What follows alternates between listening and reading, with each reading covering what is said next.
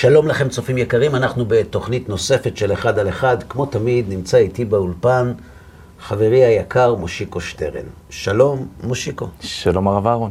מה נשמע? ברוך השם. הודו להשם כי טוב, כי לעולם חסדו. אמת. אמר לי המחותן שלי, שהשם ישלח לו רפואה שלמה, אמן. למה אומרים הודו להשם כי טוב, כי לעולם חסדו? תגיד ברוך השם. צריך להודות על העבר ולבקש על העתיד.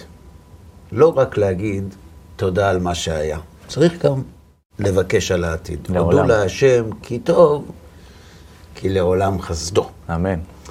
אז מה עכשיו? אז מה עכשיו? תגיד לי, יש לי, יש לי שאלה אליך, הרב. כן. אתה רואה את עצמך אדם בעל בחירה חופשית? תלוי את מי שואלים. שאלתי אותך. יש חברי כנסת שאומרים שהחרדים אין להם בחירה חופשית, ושהם נשלטים על ידי הפוליטיקאים שלהם.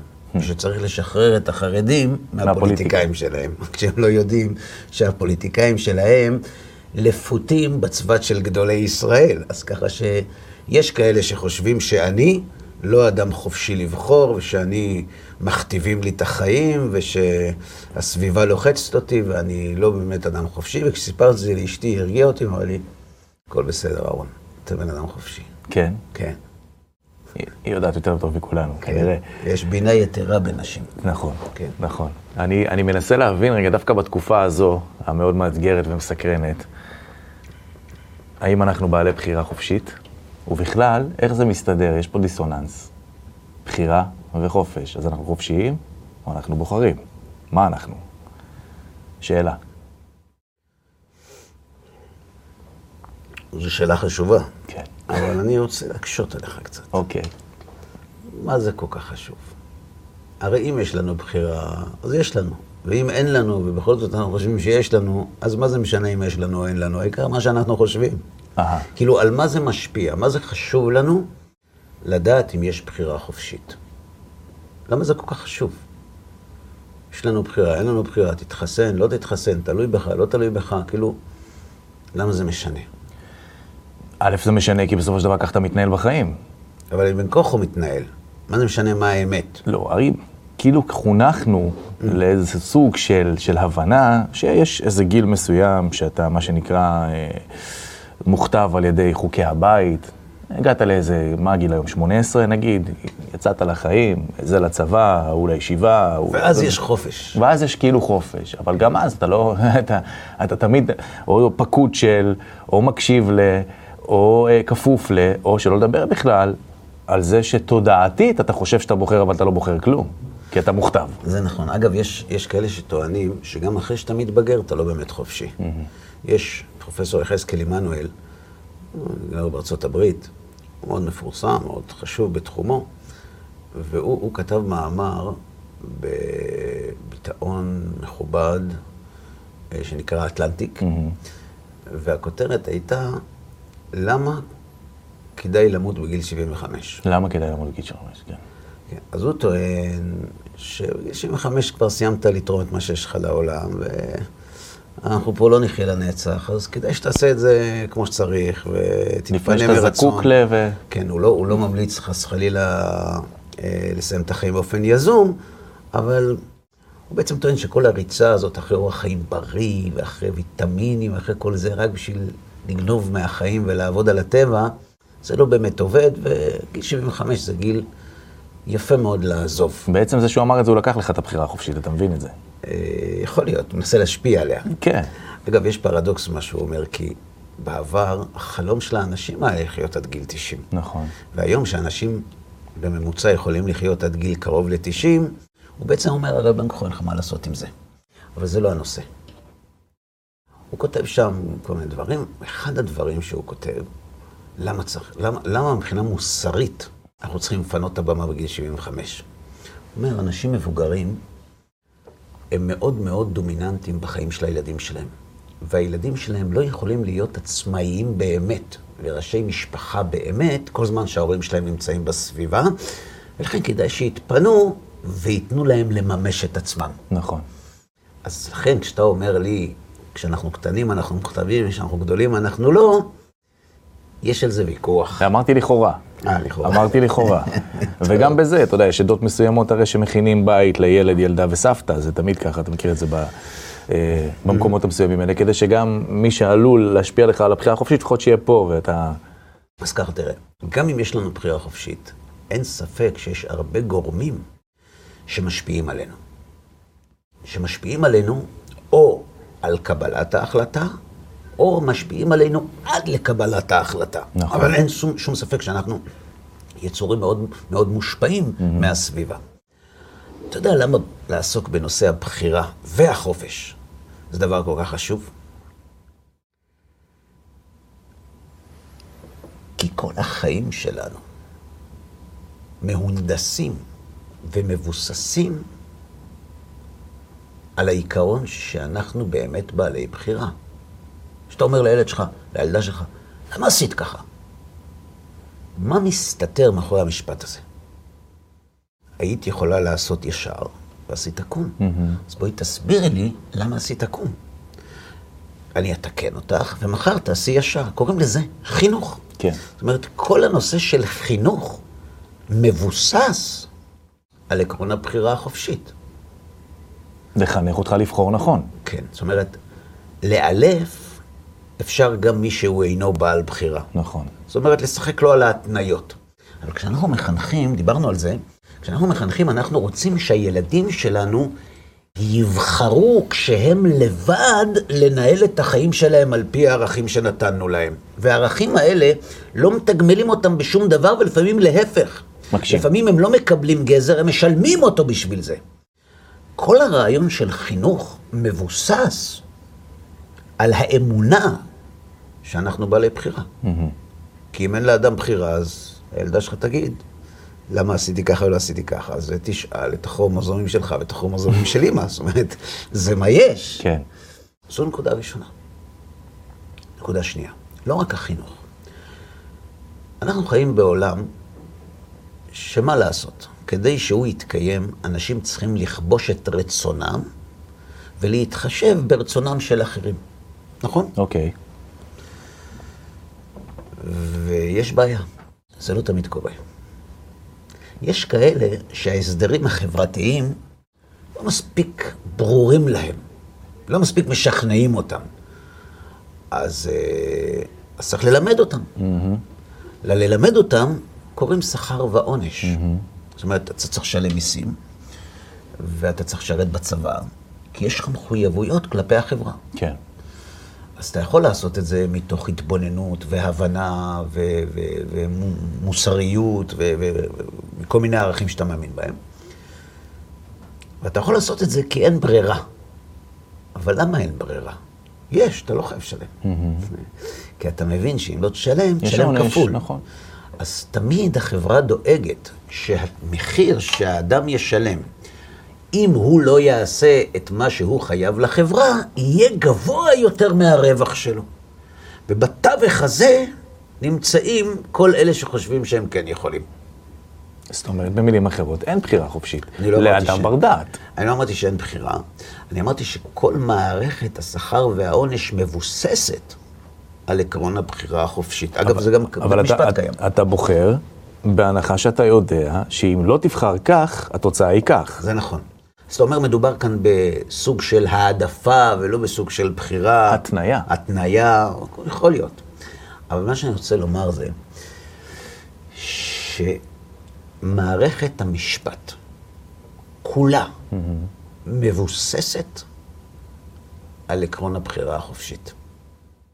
כשהשופט עומד מול הנאשם ואומר לו, אתה מואשם בכך וכך וכך, ואני גוזר עליך כך וכך וכך, הוא מתבסס על אותו עיקרון שאנחנו מתבססים כשאנחנו באים בתביעה לילד שלנו. Mm-hmm. אתה היית יכול לשמור על החוק. למה לא שמרת? הוא אומר, תשמע, אדוני השופט, אני גדלתי בשכונת מצוקה, ואני ההורים שלי, והרביצו לי והכול. טוב, אז אולי השופט יתחשב בזה. אבל למרות כל מה שעברת, אתה עדיין נתבע לעמוד בקריטריונים החברתיים מתוך אמונה שאתה מסוגל לעמוד בהם למרות כל מה שעבר עליך. לכן, כשיש לנו הוכחה משפטית, מדעית, רפואית, שהאדם העומד לדין אינו יודע להבחין בין טוב לרע, גם אם חוסר היכולת הזה נובע ממצב זמני, כן. מה שנקרא אי שפיות זמני, כן. הוא לא עומד לדין. למה הוא לא עומד לדין? אנחנו לא מעמידים לדין בעלי חיים. נכון. בעלי חיים הם נטולי בחירה. כשאנחנו נותנים עונש או שכר, זה מפני שהיית יכול ובחרת לעשות טוב, או מפני שהיית יכול ובחרת לעשות רע. זאת אומרת, גם מערכת החינוך וגם מערכת המשפט, שהם שני זרועות שכל החברה יושבת עליהן, הילדים שלנו והשכר והעונש, מבוססים על אמונת הבחירה החופשית. אוקיי. לכן זה כל כך חשוב. אתה יודע למה? כי אם זה לא נכון, ואנחנו לא בעלי בחירה, אנחנו פטורים מהכל? מכל נורמה מוסרית. וכל החשבון שאנחנו צריכים לעשות, זה אם שווה לקחת את הסיכון מול הסיכון. Mm. אבל כל המשבצת המוסרית והערכית נעלמים. אז זה, זו, זו ההגדרה הידועה, הנוסח מנה פטרה, נכון? זה שם. הרי בסופו של דבר, נכון. נכון. הרבה מאוד פעמים נשענים על הדבר הזה, שנכנסה בו רוח שטות, שאלף ואחת סיבות, כמו שאמרת קודם, אי שפיות תינוק זמנית. שנשבע. תינוק שנשבע, כל הדברים האלו בעצם. מה שאומר שהשופט העליון, הבורא שלנו, בסופו של דבר מתנהל תמיד ממקום של אני מסתכל עליך באי שפיות זמנית. מה שהיית צריך לעשות באותו הרגע, זה נכון. אתה צודק שחז"ל אומרים שאין אדם חוטא אלא אם כן נכנסה בו רוח שטות. אלא שעל זה חז"ל שואלים שאלה, חכמי המוסר. אם נכנסה בו רוח שטות, הוא שותה, שותה פטור מן המצוות, אז איך אתה מעניש אותו? והתשובה היא מאוד פשוטה. אדם שיכור, כן. הוא שפוי? באותו הרגע שהוא שיכור, כן. ככל הנראה לא, לא. אז למה מענישים אותו אם הוא נהג בשכרות? כי הוא סיכן אחרים. אבל הוא לא היה אחראי למעשיו. מה התשובה? בחרת לפני לשתות. נכון. לא דנים את האדם על המעשה עצמו שנעשה בזמן השטות. על חוסר האחריות שלו לפני. איך הבאת את עצמך למצב הזה? יפה. איך הפקרת את האישיות שלך? איך השתעבדת למצב הזה שבו המציאות יותר חזקה ממך? על זה האדם נענש. אבל העיקרון שאתה אומר הוא עיקרון נכון, והרמב"ם כותב אותו. הרמב"ם מלמד אותנו בהקדמה למסכת אבות, בשמונה פרקים, יסוד חשוב. הוא אומר, הוא אומר שיש ב, בנפש שלנו חמישה חלקים, mm-hmm. כביכול. חלק הזן, כלומר, מערכת העיכול והמערכת הפיזית. הדמיון, mm-hmm. כוח המדמה. המרגיש, כלומר, החושים. ככה mm-hmm. הוא, הוא הולך. והוא אומר דבר מאוד מעניין. הוא אומר, התורה, אין בה שום מצווה, חובה או איסור, שקשורים למערכות האוטומטיות שבגוף האדם. למה? למה? כי כל הציוויים שהקדוש ברוך הוא מצווה אותנו מבוססים על היסוד שאנחנו בעלי בחירה, ושבכוח הדעת שלנו אנחנו צריכים להחליט איך לבחור. ועל זה יש שכר ועונש. אבל מערכת העיכול של הבן אדם עובדת, הוא אומר, גם כשהוא ישן. הדמיון של האדם עובד גם כשהוא ישן. איך אפשר להאשים אדם, למה חלמת? נכון. איך אפשר להאשים אדם, דחפו לו לתוך הבטן חתיכה של חזיר. טוב, למה אתה מעכל את זה? אומר הרמב"ם יסוד, התורה לא תובעת מן האדם מחויבויות שאינן תלויות בו, ולכן כל מארג המצוות מתנקז לחלקי הנפש שכפופים לבחירה ולדעת של האדם. אוקיי. לכן צדקת כשאמרת, אם אין בחירה, שכר ועונש, על מה ולמה. למה אני עושה איתך את כל הסיבוב הזה? כן. כי אתה התחלת. אתה אמרת לי ש, שאתה רוצה לדבר על בחירה חופשית. כן. ואני רוצה כאן לטעון טענה חצופה. אני רוצה לנקות רגע את השולחן מארון הספרים שלנו, ולדון כמו שני חברים. אני רוצה לשאול אותך שאלה. יש שתי הנחות שרירותיות לחלוטין כן. שהחברה מתנהלת על פיהן. אחת, זה שהאדם הוא חופשי בבסיסו, כן.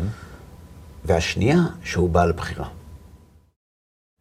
ולצורך הדיון, אני מבקש לכפור בשני האישומים האלה. מקובל עליי. אנחנו לא חופשיים ואין לנו בחירה. אני מסכים. אי אפשר להוכיח שיש לאדם בחירה. אם היה אפשר להוכיח שיש בחירה, כבר לא הייתה בחירה, Mm. כי אפשר להוכיח את זה. אי אפשר להוכיח שיש בחירה, כי הבחירה החופשית היא סוג של אמונה דתית ממש. וואלה. כן, מה זה בחירה? זה יש בחירה מאין, כלומר בלתי מושפעת. כי אתה התחלת ואמרת, אנחנו מושפעים, אבא, אימא. כשאתה מושפע, אתה לא בוחר, אתה מוכתב. נכון. כמו שהחבר הכנסת אמר עליי. מחליטים לך, אתה גדלת לתוך זה, שטפו לך את המוח, לא נותנים לך ללמוד ליבה כדי שתישאר פרימיטיבי. זאת אומרת, ואני יכול להגיד אותו דבר מהצד השני. כן, ודאי. גם על החברה השנייה, כביכול. כן, הכל ברור, בסדר. אתה יודע. הכל בסדר. שטפו לך את המוח, לא, גדלת על אבל זה. זה לא נכון, זה לא נכון, שם יש נאורים יותר, זאת אומרת, בחברה שלי. בכל אופן, מה שאני מבקש לומר לך, זה שהבחירה היא אמונה דתית, כי היא טוענת שאתה בוחר כי ככה רצית נקודה. אתה לא בגלל, כי אם זה בגלל, זה סיבה ומסובב. כן. זה גירוי ותגובה, זה, כן, זה, כן, זה כמו כן, אצל בעלי כן. חיים. החלטתי ככה. אין לזה מקבילה בטבע. אין למצב הזה אח ורע. עגבנייה, גם אם היא מאוד רוצה לשנות עצמה למלפפון, לא יקרה. לא יקרה. כן. אפשר שיהנדסו אותה, אבל זה לא היא. הגזר לא יכול להיות חסה, יכול להיות חבר שלה, אבל לא מעבר לזה. לא מצאנו בטבע, לא בדומם, לא בצומח, לא בחי, שום קצה קצהו, שום בדל, שום זכר, שום רמז ליכולת של בחירה חופשית. בחירה חופשית היא אמירה דתית של ממש. אני בחרתי כי ככה. העולם המטריאליסטי הוא דטרמיניסטי לחלוטין. הוא פועל על פי חוקיות, גירוי תגובה, סיבה ומסובב. ככה האמינו בסוף המאה ה-19. ומה זה בחירה? זה ככה. זה בלי סיבה. כן. אין דבר כזה. זה נושא למחקר. איך האנושות, שכל כך דוגלת במטריאליזם,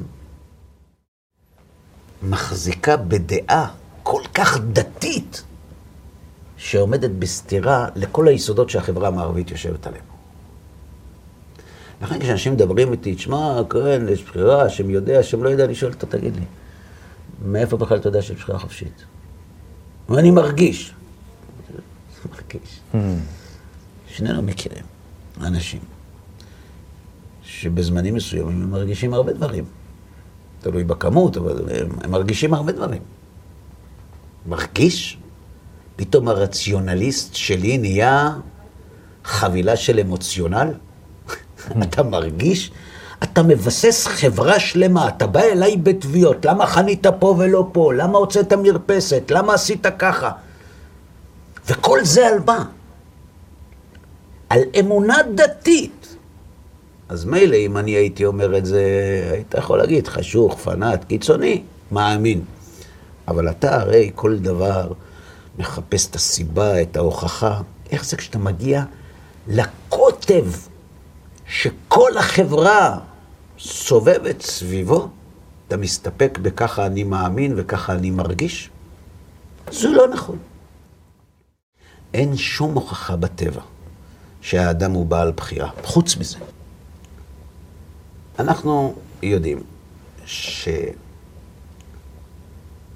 אנשים שטוענים שהאדם הוא סוג של מפותח. אה, אוקיי. זאת אומרת, הוא היה פעם קופיף על ארבע. כזה, כן. התרומם טיפה, הזדקף, קיבל קצת שכל, ונהיה בן אדם. נכון? יש הרבה אנשים שטוענים את זה. אסור לך להתעלל בבעלי חיים, אסור לך לאכול בעלי חיים, מה זה בעלי חיים? זה כמו בן אדם, אתה בסך הכל בעל חיים, וכולי וכולי. בסדר, אני לא, לא מתווכח איתם. יש הרבה אנשים שאין טעם להתווכח איתם. זה מה שאתה חושב, הכל בסדר.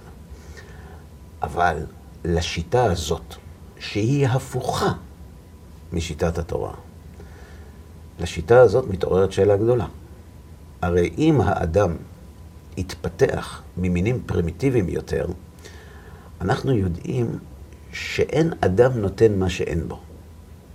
זאת אומרת, היה קוף, נהיה בן אדם, אז הוא פיתח את היכולות שהיו בקוף לגרסה חדשה יותר. כן, אבל אנחנו מבוססים על אותה תוכנה, נכון? נניח. אם בדומם, בצומח ובחי אין עקבות לבחירה חופשית, מאיפה הוא הגיע לבן אדם? מאיפה? מהחמין שהוא אכל בשבת? מהצ'ונט שמחלקים לאלה שמתחסנים? מאיפה הוא הגיע? עכשיו פיצה מחלקים. מסתובבים ברחובות, אומרים מי שהתחסן מקבל פיצה. או, יפה. כן, כן, חיילים במדים אוכלים חינם. זה- חינם, כן. מאיפה זה בא? מאיפה זה בא? אז אתה יכול להגיד, השכל, אז ככה, הדולפין הוא יותר חכם מהחלים, האדם יותר חכם מהדולפין. זאת אומרת, יש את חומר הגלם הפרימיטיבי, יש בדולפין, עבר לבן אדם, עבר התפתחות. כן, אבל בחירה אין באף אחד. תחלק את הבננה לכמה חלקים שתרצה, לא תמצא שם בחירה. נכון, אם תפתח את התפוס, תמצא גרעין, נכון. אבל לא בחירה חופשית. כמובן בציניות אפשר להגיד שלנגיף יש בחירה חופשית, הרי הוא בוחר, אתה יודע, באיזה מניין, באיזה מסעדה, כן. המלצר לא, הזה כן, כן. הנגיף הוא בעל בחירה. כן. כן. כן. הוא בעלים על בחירה של בני אדם. הוא כזה בעלים גדול, שהוא מחליט בשבילם. כן, אבל זה גם, זה התפתחות. זה כל פעם מוטציה חדשה, יותר בוחרת. כן. זה לגבי הבחירה החופשית. זאת אומרת, אני כופר בהנחה השרירותית שהאדם הוא בעל בחירה. אוקיי, ואני לא עושה את זה מסיבות אינטלקטואליות.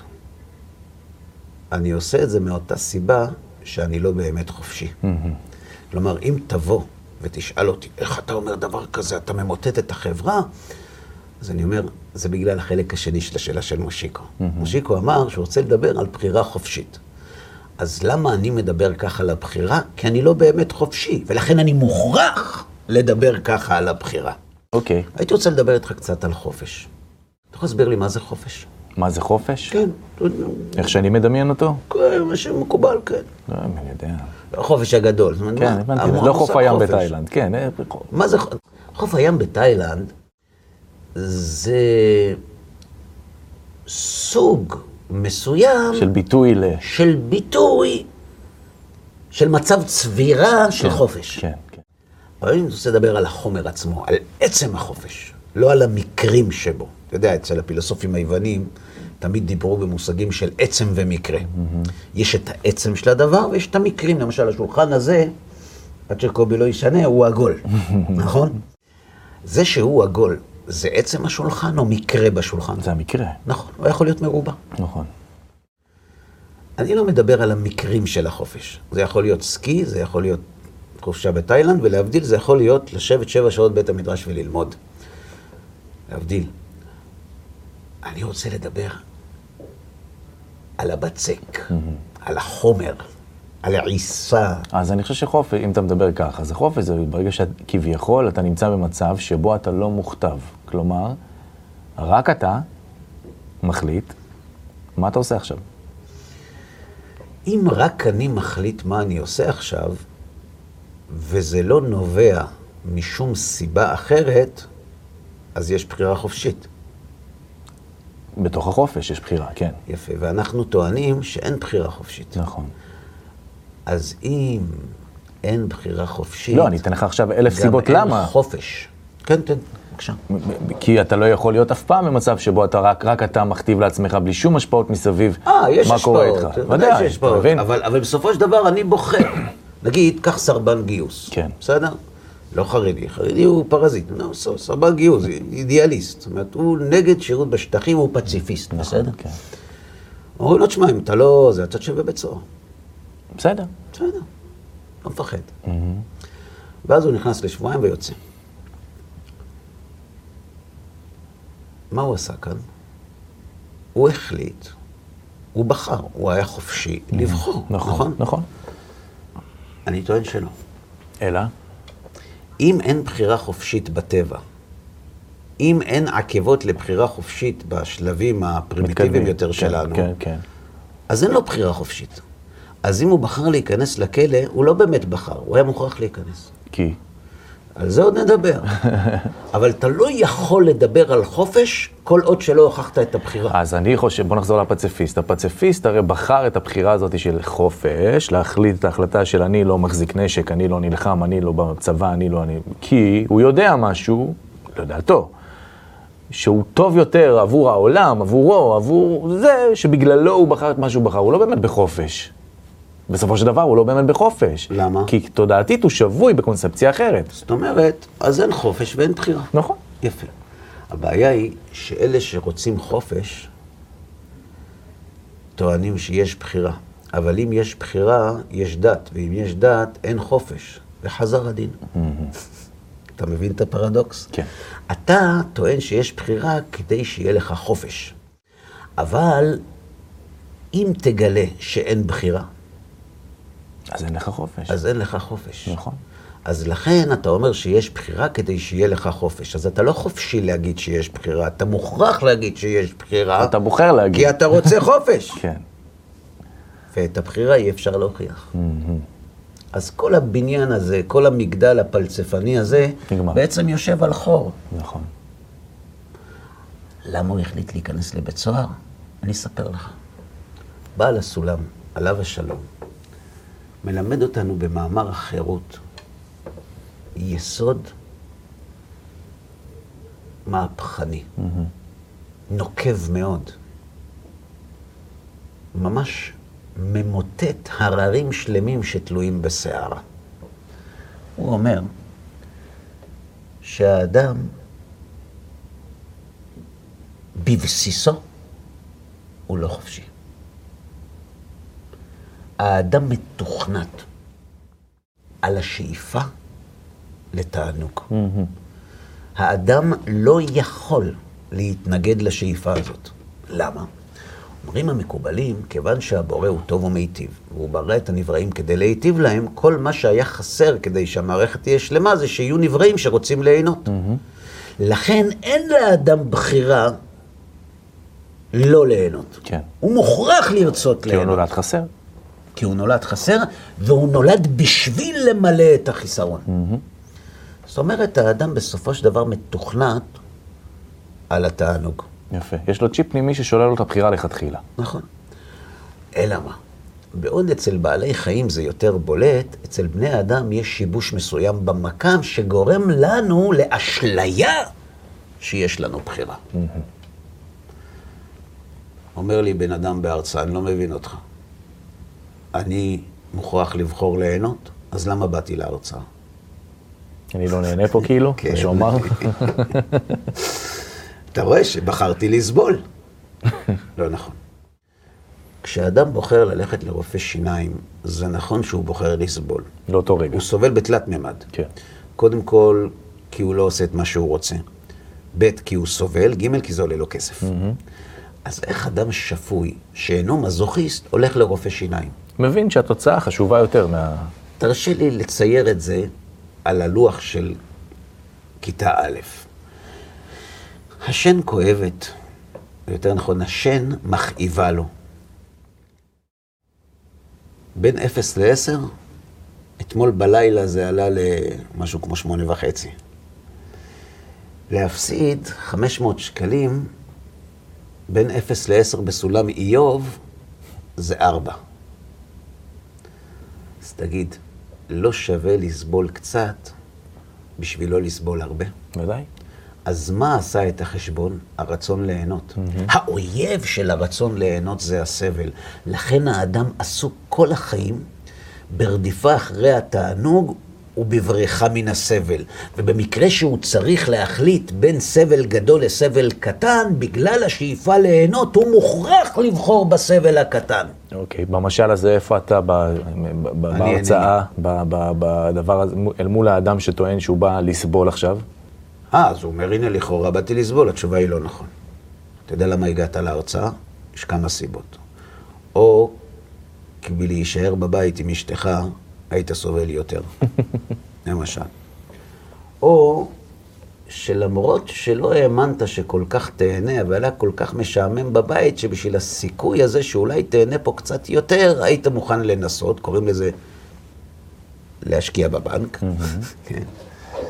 חסרות סיבות למה הוא הגיע. כן. סתקרן? הוא הגיע כדי להראות למרצה שהוא מדבר שטויות. ואז יהיה לו כבוד והוא ימלא חיסרון וייהנה. נכון. לא חסרות סיבות, אבל הכל בסופו של דבר מתנקז לבריחה מן הסבל ולרדיפה אחרי התענוג. שאשליית הבחירה נובעת מתוך המחשבה שאם אני מוכן לסבול, זה סותר את הרצון ליהנות, וזה לא נכון. לכן הפציפיסט נכנס לבית סוהר. אתה יודע, מי נכנס לבית סוהר ומי לא? לשרת שלוש שנים בצבא, עם, עם כל האידיאלים, בסדר? זה לא קל. אז למה אתה לא עושה פטור ונהיה מתופף בתזמורת? או בחור ישיבה? למה אתה לא עושה את זה? כי אתה מאמין שלשרת את המדינה זה דבר חשוב. ואם אתה לא תשרת, אמנם יהיה לך חופש. והחופש הזה נועד לגרום לך תענוג, אבל אתה תסחוב איתך כל החיים תחושה פנימית של בושה, שלא שירתת את המדינה.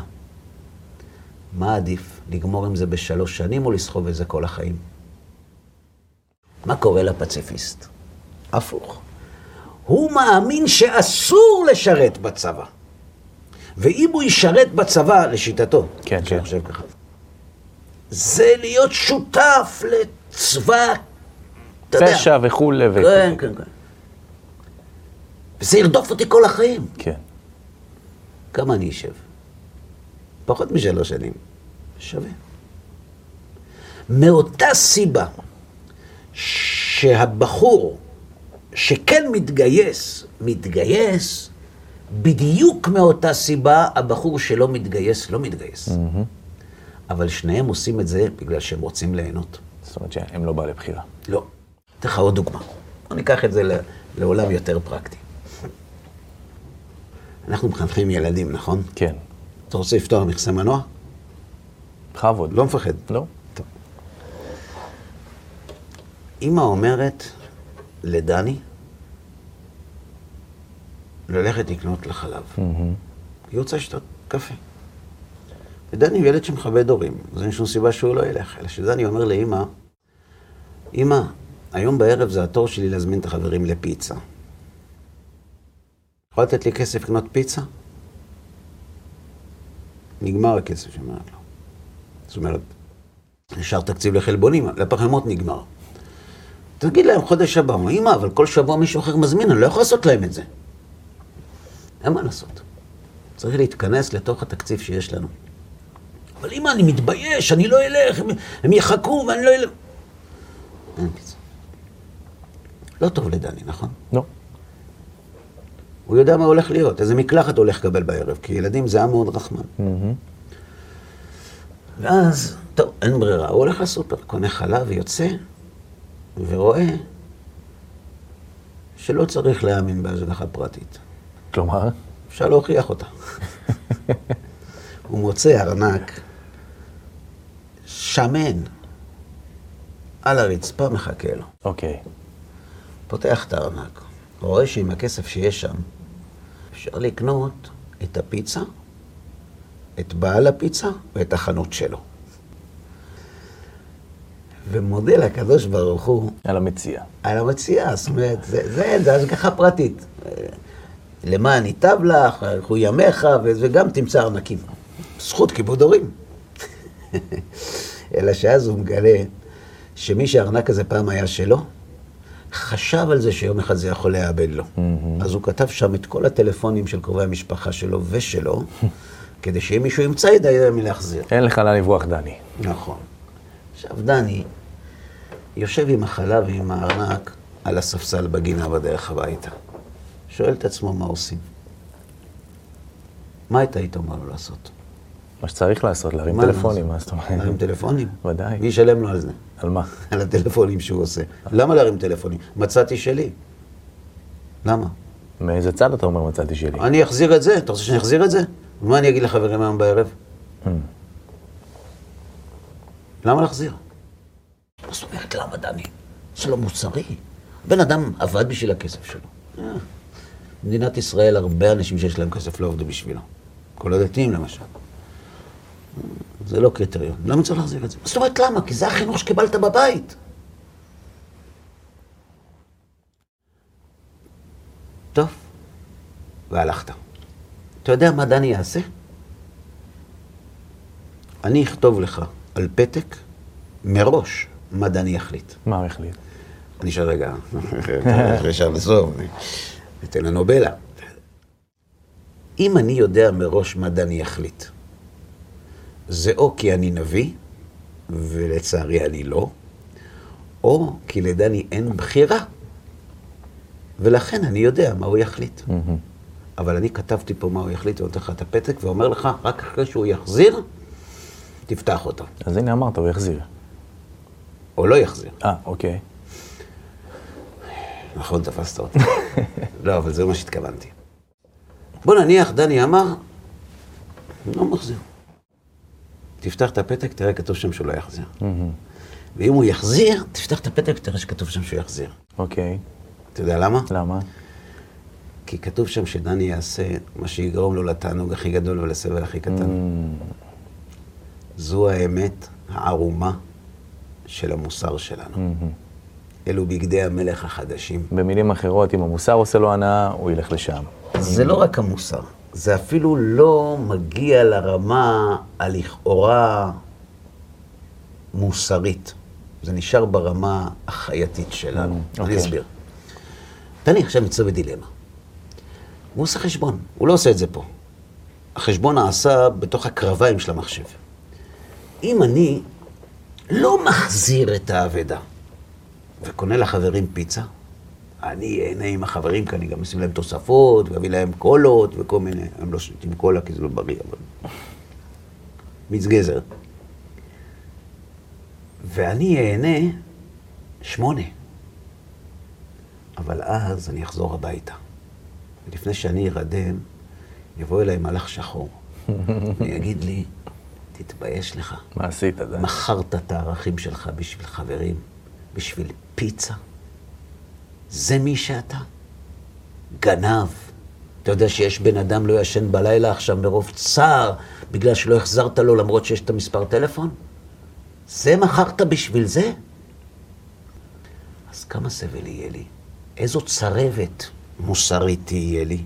תשע. סבל של תשע מול תענוג של שמונה? עזוב, לא רוצה את הסבל הזה. הוא יחזיר את הכסף. מהמם.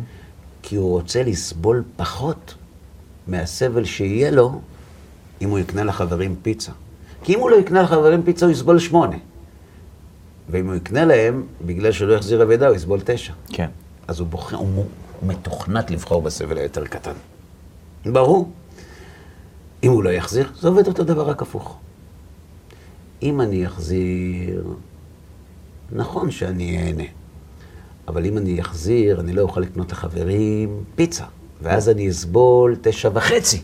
ואם אני לא אחזיר, אמנם תהיה לי צרבת, אבל היא תהיה שמונה. שילך לעבוד, פרזיט.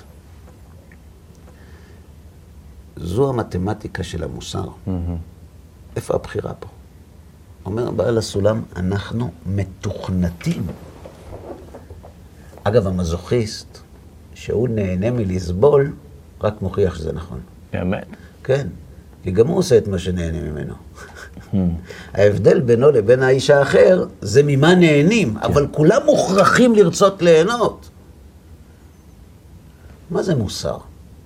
מוסר זו מערכת שתובעת ממך לוותר על התענוג שלך, כן. בגלל משהו מופשט וערכי. אבל בסוף מה שקורה, זה שאם אני לא אהיה כפוף למוסר, אני ארגיש רע ובגלל זה אני בוחר בו. זה לא בחירה חופשית. נכון. אז על איזה חופש אתה מדבר? שרון אומר לי, עזב, אתם הדתיים, בלשון רבים, תוך כבוד. אתם, אני אדם חופשי, אני בוחר את הערכים שלי בעצמי. אל תגיד את זה בקול. כי כשאתה אומר, אני בוחר את הערכים שלי בעצמי, זה אומר, יש לי רצון, והוא הולך לשוק לקנות ערכים שיתאימו לרצון שלו. אני בוחר את הערכים שלי בעצמי, אתה לא בוחר, אתה מתוקנת ליהנות. כל הערכים שיש לך זה רק הערכים שעושים לך טוב, וכשהם לא יעשו לך טוב, אתה כבר תפסיק לעשות אותם. כן. אז לפחות אל תגיד את זה בקול. המטריאליסט שנלחם על החופש ועל הבחירה, הוא האחרון שיכול לעשות את זה. כי הטבע משדר שאין בחירה, ולכן אין חופש. לכן הנושא של בחירה חופשית הוא נושא לאנשים דתיים בלבד. מכל דת, אתה אומר. כן. עכשיו נבדוק איזו דת נכונה, איזו דת לא נכונה. אגב, יש דתות שגם טוענות שאין בחירה חופשית, כמו חלק מהמותקלה מן המוסלמים. אבל בסדר, אולי נעסוק בזה בהמשך, כשננסה לפרק את מושג הבחירה קצת יותר לעומק. אני, אני, כל המהלך הזה שעשינו עכשיו, זה, זה רק כדי להסביר מי לא נמצא בפרשה שלנו. כלומר, מי, מי לא יושב איתנו לשולחן. מי שטוען שהאדם כל כולו מולקולות, מטריאליזם, דטרמיניזם, אצלו אין בחירה חופשית, וגם אין מוסר. Mm-hmm. יש התניות, כמו אצל בעלי חיים. כן, כן. וההבדל היחיד בין האדם לבעל החיים, שלאדם היה שדרוג בתוכנה, בעוד בעל החיים לא מוכן לסבול כדי ליהנות, האדם מוכן להקריב סבל קטן תמורת תענוג גדול, וגם זה אפשר למצוא את הניצנים שלו אצל חלק מבעלי חיים היותר מתפתחים. לכן, צריך לעסוק בשני דברים. א', מה מקורה של הבחירה? ב', מהו חופש? ואיך הוא הגיע לעולם הדטרמיניסטי שלנו. אתה יודע מה, כל מה שאתה מצייר לי פה, אני מדמיין אדם שכלוא עכשיו באיזה תא. כלא נגיד, בסדר. וחלק מהלו"ז היומי שלו, נניח, זה ארוחת בוקר. בארוחת בוקר מגישים גם פנקייק, גם חביתה, אני הולך פה לכלא כזה מפנק, גם קולה וגם מיץ תפוזים. צווארון לבן. נכון. כן. תבחר. אבל אתה לא בוחר באיזה שעה אתה אוכל, ואתה לא בוחר איפה אתה אוכל, ואין לך שום רשות להחליט אם אתה עושה את זה בחצר, או ב... כי אתה עושה את זה רק בחדר אוכל, ובאותם הדקות אולי יורידו לך את האזיקים, אבל אחר כך אתה חוזר אליהם. אז אתה מדבר על בית מלון. סוג של. אבל... אתה יודע, בית מלון זה כמו תשעה באב, אמר לי פעם מישהו. וואלה. כל היום יושבים מנהלי בית ומחכים לאוכל. נו, זה בגלל פורים. אז אני מצייר עכשיו את העולם הזה שאתה מתאר אותו, יחסית דומה, כביכול יש בחירה. יש אשליה. כביכול יש בחירה. לא כביכול, יש אשליה. אנחנו חיים באשליה, שאנחנו בעלי בחירה. אבל יש לנו תוכנה שיש בה רק שני סימנים, mm-hmm. אפס ואחד. סבל ותענוג. וזה בונה את כל העולם. כל ההבדל בין האנשים זה ממה נהנים, זה האם החשבון נכון או לא נכון, אבל בסופו של דבר אנחנו רוצים ליהנות. Mm-hmm. אז איפה הבחירה? אין. יש! ועוד איך שיש בחירה. כי אם לא הייתה בחירה לא היינו מקבלים תורה, כי הרי הרמב"ם לימד אותנו שעל מקום שבו אין לנו בחירה, הקדוש ברוך הוא לא מצווה אותנו מצוות, ואם קיבלנו תורה מסיני, בוודאי שיש בחירה. רק שצריך לראות איך עושים שלום בין שתי השיטות. או. בשביל זה נעשה עוד תוכנית. יאללה. השארת אותי סקרן מאוד מאוד הפעם. טוב מאוד, משיקו. גם אני. אז תודה רבה שבאת. תודה גם לך. תודה רבה גם לכם, צופים יקרים, שהשתתפתם איתנו בעוד תוכנית של אחד על אחד. אנחנו מאוד מקווים שנהניתם ושהדברים יהיו לכולנו לתועלת, ובעזרת השם ניפגש כאן לתוכניות נוספות בהמשך. כל טוב לכם.